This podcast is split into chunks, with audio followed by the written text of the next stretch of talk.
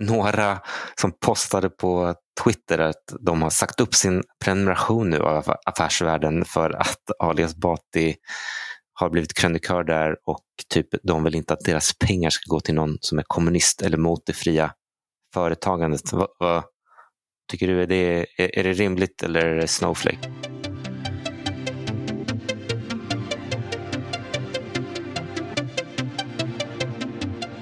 Välkommen till Snacka Cash. Hur är läget Daniel? Ja, men det är bra, tack. Har du haft en skön, eh, skönt uppehåll nu under ledigheterna? Ja, verkligen. Jag avslutade året med att åka på en affärsresa till Los Angeles och där i två nätter och sen flög tillbaka. Så jag blev riktigt jetlaggad. Tror jag fick någon light covid och var extremt uh, trött efter det. Så uh, det, det Men ingen CS? Nej, det var bara några, uh, några personliga möten jag ville ta. Det, det, jag, jag, tänkte på när jag var i USA, förr i tiden så var det definitivt så att du kunde åka, eller på 90-talet, att du kunde åka dit och köpa saker som absolut inte fanns i Sverige. Mm. Eh, nu är det inte riktigt så, men det fanns, finns ju några grejer. Dels de här Rivian elpickuperna överallt eh, som är ganska coola och sen på hotellet hade de så pellet, Peloton Cyklarna, ja. Jag vet inte om de finns i Sverige också, men eh, så jag kunde testa några börsnoterade eh, produkter som inte är lätta att få tag på här i Sverige. Ja, det, då kanske du missade de värsta minus 20 grader tiderna här nu. Eh, men ehm, det har ju skapat lite, nu elpriserna stack upp igen. Mm. Men det kanske kompenseras av att det snabbt blir varmt och att eh, det är fan billigt att tanka nu. Ja, är det sedan nyår eller? Jag har missat det. Ja, exakt. Jag, jag tankade för fan eh, 17-12 nu. Mm -hmm. så, jag hade liksom full tank på 800 kronor. Det var länge sedan. Jäklar. Ja. Kanske man ska börja fylla upp eh, reservoar. Ja, men det är ju lite, nu, nu slår regeringen på stora beredskapstrumman. Mm. Så då, då är det väl bra. Man ska väl ha tillräckligt mycket för att uh, kunna ta sig där kriget inte är i bränsle. Men, um, men jag såg att Clas Olsson hade haft uh, ökning på så här 1000 procent på, på vevradio och sån här survival gear. Ja, men sån har jag köpt faktiskt för redan ett år sedan. Ja, men det är ju det är bara bra, mm. tänker jag för Clas Olsson och också för beredskapen såklart. Men eh, jag blev lite besviken. Karl-Oskar är ju, eh, Karl-Oskar Bolin som är civilförsvarsminister är ju, mm. eh, är ju en nära vän. Jag var otroligt besviken på honom att han inte gav sitt tal på förhand till mig så jag kunde gå bull på Köpa. Men han borde ha gjort som i, i USA har de ju kollat på uh, senatsledamöter. Har ju, de liksom spär skiten ur alla aktieindex. För de tradar ju våldsamt i aktier, liksom bolag som de reglerar över. Pelosi är ju typ är en sjuk, av världens bästa aktietraders om man kollar på hennes performance. det är helt vansinnigt. jag tror typ hon hade köpt också. Hon hade köpt uh, typ så här, alla amerikanska så här, chiptillverkare innan eh, de gjorde den här Chips Act. Och, ja. Men, nu, just det, jag kommer Men det gjorde det. ju vi med. Vår ja, rekommendation var ju det. Ja, eller, ja, precis. Eller jag övertalade dig att inte göra det. Men jag kommer faktiskt, det, var ungefär, det var ungefär exakt ett år sedan som du sa köp Nvidia och jag sa nej och det hade varit en av de bästa aktieaffärerna någonsin. Så nu är frågan, vad, vad har du för spaning för det här året? I år? För, för alla, får... spaningar, alla spaningar jag har haft var totalt trash. Trash-år för mig förra året. Allting som jag försökte, varenda fucking jävla aktie jag ens andades gick ju typ ner 20 procent. Men eh, jag har inget just nu faktiskt. Mm. Eh, så det är väl, men det kommer. Ja, det, det, det, var inte precis i början av året. Mm. Så jag måste låta liksom, eh, vårvinden blåsa lite över mig innan jag kan ge årets eh, heta tagning. Mm. Det har ju gått väldigt bra för Nvidia, men väldigt tråkigt för oss gamers faktiskt. Mm. Nvidia verkar ju bara ge långfingret till alla gamers nu. Nu ska allt handla om AI. Eh, men har de sagt men... att de ska satsa mindre på gamers? Ja, Satsa mindre på gaming och mer på AI. Eh, vilket är tråkigt. Men då kanske, Men, kan komma, då kanske typ AMD eller någon kan Exakt. AMD, AMDs senaste grafikserie ser faktiskt väldigt bra ut.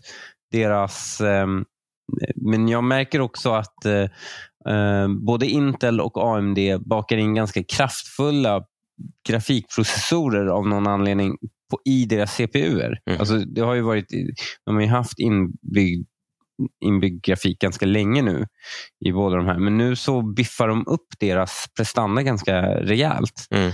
Eh, och Tanken är väl att det också ska hjälpa med AI på något sätt. Med att man har mer flyttalsprocessorer helt enkelt i, eh, i datorn. Men eh, de är ju aldrig tillräckligt bra för att gamea på. Men de lär vara tillräckligt bra för alla andra, tänker jag.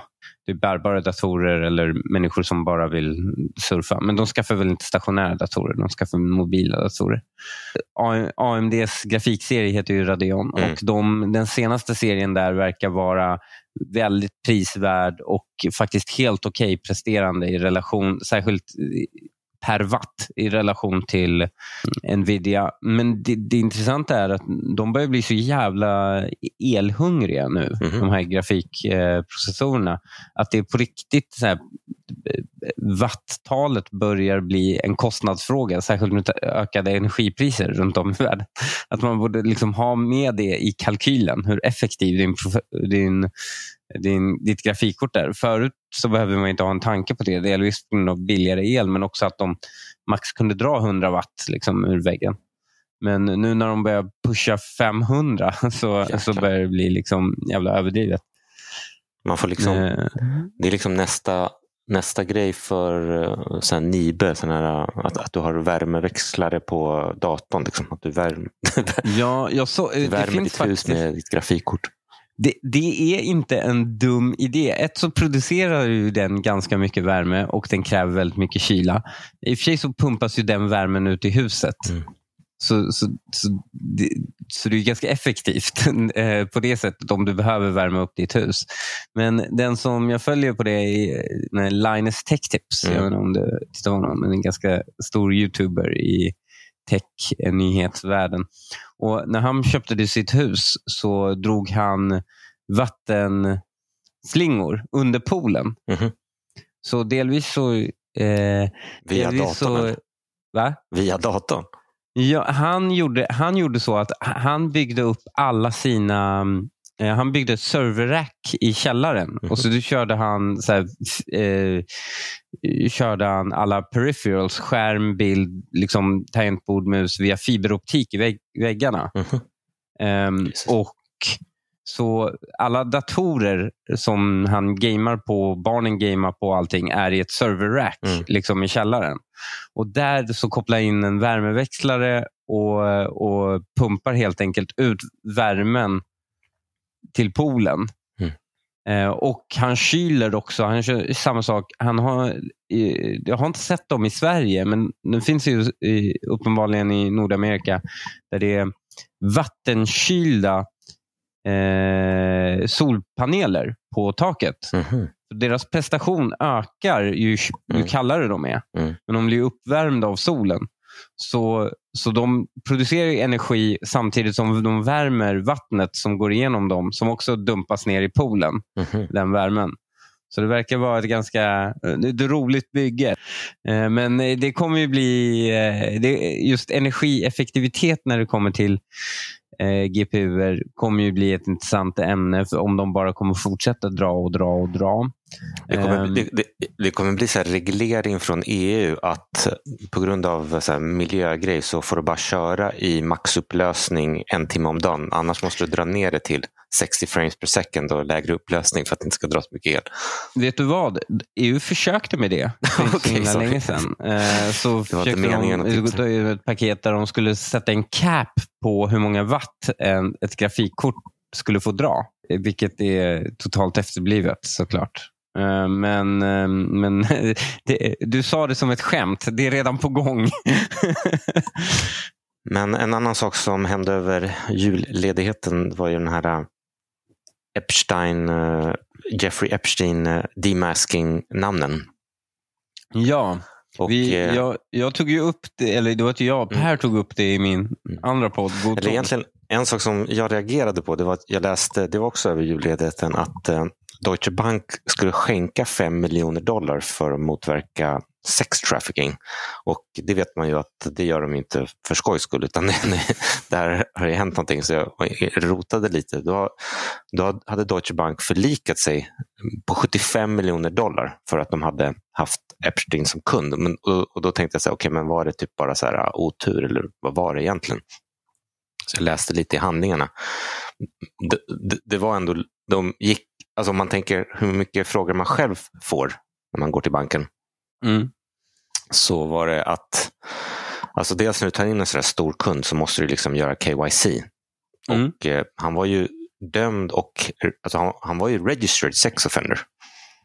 Ja, eh, men de får väl öppna bankkonton? Ja, eller? men också, de, också PEP då, vilket skulle vara massor med Just andra det. restriktioner. Det vet ju du eftersom du är mm, ju det. Ja. Är det det resten av livet förresten? Eller? Nej, jag tror det ska gå ut snart. Mm. Jag tror man är det typ ett och ett halvt år efter. Mm. Eller något sånt. Eh, om, om, jag, om jag inte missuppfattat reglerna. Och liksom, ovanpå det så hade Epsteins advokat frågat Deutsche Bank hur mycket cash kan jag ta ut varje vecka utan att väcka myndigheternas eh, frågor. Mm. Eh, och egentligen ska den frågan i sig liksom, trigga en alert. Jag tror han plockade ut typ 200 000 dollar om året i cash. Men då för att ja. undvika liksom för mycket compliance och så, så hade de infört en ny kategori som hette honorable, eller honorary tror jag var, PEP. Vilket eh, fett Honorary PEP? Ja, något sånt. En egen kategori. Nej, men jag, liksom, ja, självklart kan man hävda liksom att du, du har avtjänat ditt eh, straff för liksom, sexual trafficking av en minor mm. men, och du bör få öppna bankkonto. Men om man jämför med det vilken alltså, och sen så plockar han ut 200 000 dollar i cash och eh, vilken compliance man själv måste gå igenom. Mm. Men jag undrar, vad tjänade han pengar på? Alltså det sjuka är, och det är väl det är typ att så här, eh, det, det var typ lite pyramidspel, typ 80-90-talet som han tjänade pengar på. Men det finns ingen som har riktigt liksom kunnat tracka exakt. Det är därför de finns med ryktena. Eh, för Han åkte till Israel där innan han blev dömd och han har ju någon relation där. Så okay, jobbar han för Mossad? Sen vet man ju att i hans det, här störst, det största privata boendet i hela Manhattan hade han ju som var så här sjukt dyrt.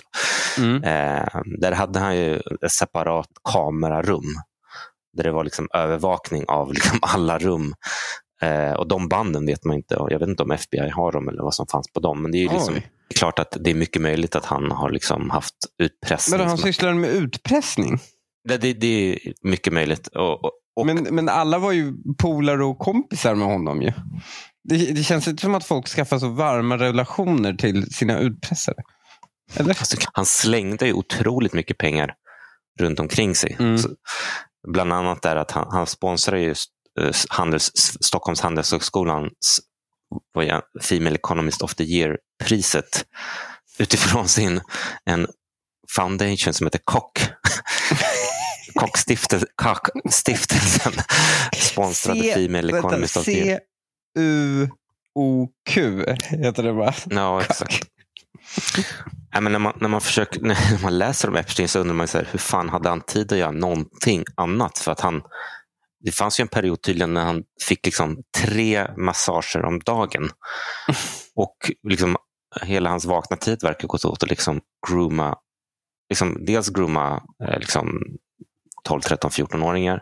Men också, de hade också massor med konstiga, det var någon brud som var typ, eh, liksom, hon var bra på att spela eh, något, något instrument. Eh, mm. Men hon var liksom för gammal för hans smak, typ 18.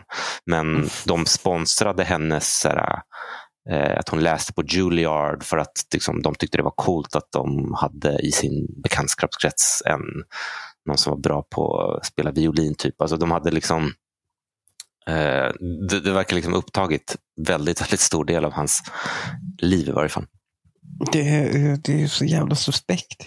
Hur kan inte någon ta reda på vart hans pengar kom ifrån i efterhand? Jag menar, kan inte någon bara kolla Deutsche, Deutsche Banks liksom records? Alltså i något, eh, det finns en gammal intervju i Vanity Fair, men den tror inte jag liksom, någon har kunnat bekräfta. Det var att han, att han, att han körde typ så här, kapitalförvaltning fast hans gräns var att man hade en miljard dollar för att kunna bli kund hos honom. Att ha. Alltså det var några större frauds som han var typ semi-inblandad i men aldrig blev mm. dömd för. Där det försvann massor med pengar på typ 80-talet. Ja, han kanske blev rik och sen bara fortsatte vara rik och, och de pengarna växte bara. Ja. Men också han hade ju så här, han hade han, i sitt New York-hemmet så hade han den där sjuka tavlan i, på Bill Clinton i klänning. Som hängde typ vid ingången. Ja. Men, jag, men jag håller med uh, om uh, din kollega Per där, om att det är såklart bara för att man är med, bara för att man, man ens namn nämns i sammanhang med honom så det var ju, vad hette han, uh, han i rullstol var ju på hans ö tydligen. Ja, det är ju så, är så sjukt att Stephen Hawking nu har blivit någon form av sjuk, liksom pervers person bara för att han liksom hade besökt mm um, Jeffrey Epsteins ö. Mm. Men han var typ där med sin familj. Liksom. Alltså, ja, vansinnigt. Men uh, tror vi att uh, någon annan kommer behöva uh, tvingas ta självmord av Hillary? Nu, efter det? Jag såg någon meme där någon Hillary ringer Suicide Hotline I like to order. Men det, det var ju jävla suspekt sättet han dog på. Alltså har du sett bilderna det från hans cell? Sig bekräftar ju den här CIA Mossad-teorin här. Att alla kameror råkar gå sönder exakt timmen han tar livet av sig. Man har också sett den här bilden från hans cell där det är liksom typ 20 stycken eh, sån här uh, orangea jumpsuits. Nej. Sök bara på Epstein cell typ images. Mm. Oh my god. Hur mycket tecken och, och filtar och ja, det ser behöver han? Ja, det ser suspekt ut. Alltså. Well, we're learning dramatic new details about one of the most high profile investigations in the country. Sharon spoke to a forensic pathologist, Dr. Michael Bodden, who was hired by Mark Epstein to investigate his brother's death. And Dr. Michael Bodden joins us. Good morning, Dr. Bodden. Thanks for being here. Good morning. You observed the entire four hour autopsy of Jeffrey Epstein. I did. What stood out to you the most in that? What stood out to me the most was that the ligature mark uh, was made after a few hours. He'd been dead for a few hours uh, at the time he was discovered, uh, and that there were multiple fractures of the Adam's apple, the thyroid cartilage, and the thyroid and the hyoid bone that are more indicative of a homicidal strangulation than a suicidal strangulation. So, in a thousand cases that you've reviewed in the New York State prison system since Attica, right, you've never seen a three bone fracture in a suicide. In a suicide, that's correct. All right, let's get to some breaking news out of France, everybody. The Paris prosecutor's office has confirmed to NBC News that a former modeling agent linked to Jeffrey Epstein was found dead in his prison cell this morning. Uh, the office says that it appeared uh, Jean Luc Brunel, quote, died by suicide because he was discovered dead from hanging himself with his sheets. This is astounding to hear, Raf, um, this breaking news, especially considering the fact that he died exactly the same way uh, Jeffrey Epstein did. 77 year old Stephen Hoffenberg, a convicted Ponzi schemer and mentor to Jeffrey Epstein, found dead in his Derby home this week. When officers arrived at his home on Mount Pleasant Street, they found his body, which police say was heavily decomposed. They believed he had been deceased for approximately seven to nine days. According to the medical examiner's office and police, there were no signs of trauma and no signs of foul play. Hoffenberg was sentenced to 20 years in prison in 1997 after admitting to scamming thousands of investors out of $460 million. He was released in 2013. Hoffenberg claimed Epstein was behind the Ponzi scheme, but he was never charged. Epstein worked for Hoffenberg's company at the time officials said the scheme began. Läste du eh, Ali Esbatis krönika i Affärsvärlden? Alltså jag läste den. Eh, jag, han kanske var inne på något intressant men sen ska jag säga att jag förstod faktiskt inte. Jag tyckte den var för rörigt skriven för att fatta ens vad hans poäng i slutändan var. Han var på något sätt emot ekonomiska modeller, men jag förstod inte vad han var för eller vad exakt han var emot.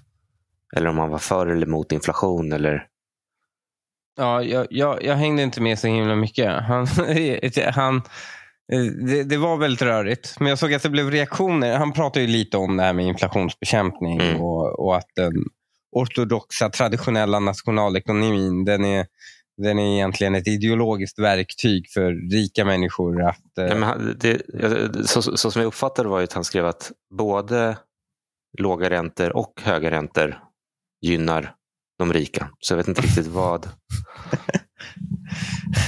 Men han vill tillbaka till Bretton Woods då? han är libertarian guldmyntfotsaktivist. ja. jag, jag, jag, tror i och för sig att guld, alltså historiskt sett så är ju typ det systemet det som, det som har mest liksom, bre, gynnar breda inkomstlager.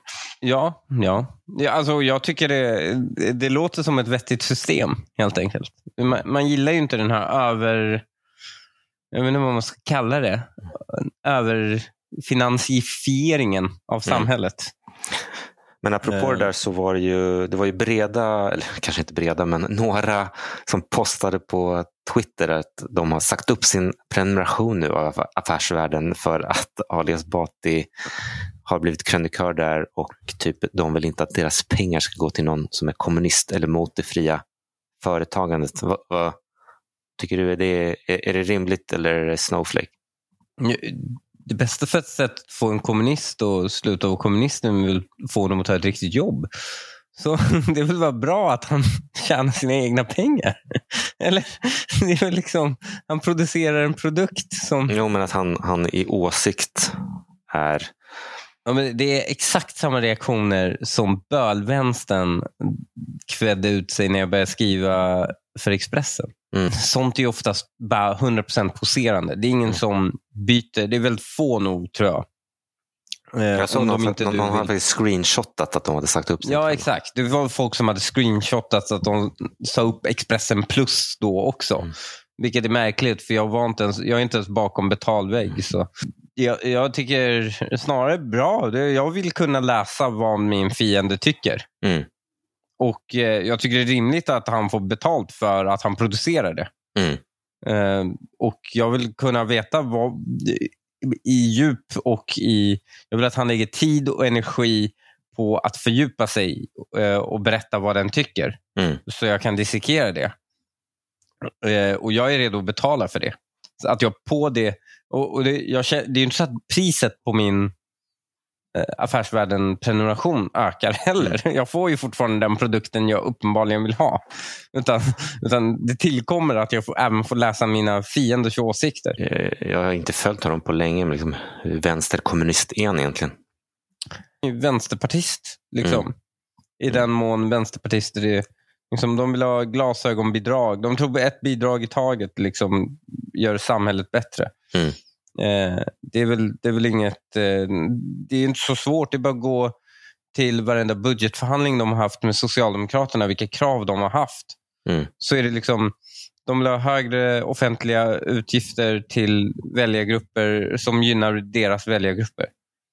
Och Det är lite som Moderaterna vill ha lägre offentliga upp, uh, utgifter till förmån för deras väljargrupper. Mm. Eh, när det kommer till utrikespolitik är han ju full-blown, alltid vara på de onda sida så att säga. Eh, mm. Det är liksom Venezuela och Kuba och hela paletten. Mm. Så han sitter ju och hopp, han, han tror på så att säga, han tror på Karl Marx. det gör han. Och eh, Det är klart att han vill ha en, eh, i alla fall i ungdom och säkert djupt någonstans ner i sitt sönderpragmatiserade hjärta vi vill ha eh, att eh, eh, arbetarna väcks ur sin dvala och gör revolt mot kapitalet. Men sen är ju det där, det är ju liksom mediealgoiken också. Det är väl typ därför man tar in Teodorescu för att hon kan skriva liksom saker som gör folk arga som folk klickar på. Liksom.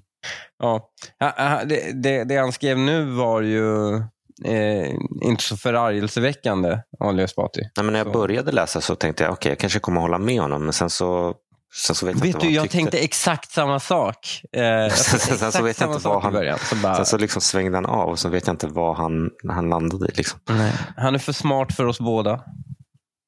Jag vet inte om hans poäng var att liksom, ja. de, den rikaste 20 procenten har liksom dragit ifrån som fan.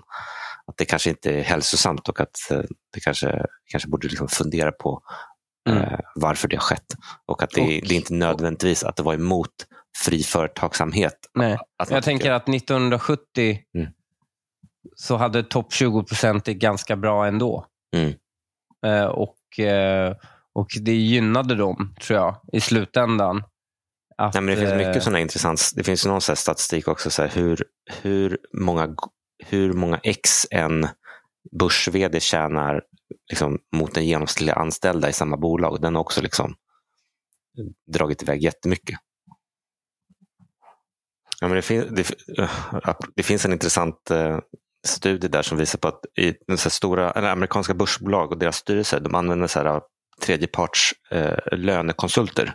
Mm. Och lönekonsulten kommer in och säger så här, det här är snittlönen för en vd. Och då tycker alla styrelser, ja men vår vd är ju lite bättre. och så liksom, det har ju folk, och sen liksom, över tiden så blir det liksom alla ökar hela tiden. Ja, exakt. Vi, kan inte vara, vi ska ju slå index, så kan vi inte ge en, då kan vi inte ge indexlönen. ja, precis. Så när lönekonsulten bara, ja, men snittlönen för den här branschen, för den här liksom, vdn är X. Men då vill man ju säga, mm. ja men klart vi ska ju prestera bättre. Så då höjer ja. alla, då höjs snittet. Så nä, nästa år så är det liksom nytt, nytt, nytt golv. Liksom. Det är lite som när det var en mattelärare som berättade till mig att eh, alla föräldrar var provocerade om deras barn presterade under snittet. Mm. Alltså alla. Och han bara, det känns som att eh, de inte vet vad ett snitt är. Mm. liksom, alla kan inte vara över snittet. För då, det, är liksom, det, det förflyttar snittet. Eller så får liksom en unge för offra sig och vara liksom sjukt outlier på nersidan. Och då kan alla vara över, över snittet. Ett offerlamm. Men du, ja. vi får eh, kalla det för ett avsnitt nu. Yes. Och eh, så syns vi inom kort igen. Yes, det gör vi. Ha det bra. Ha det bra. Hej.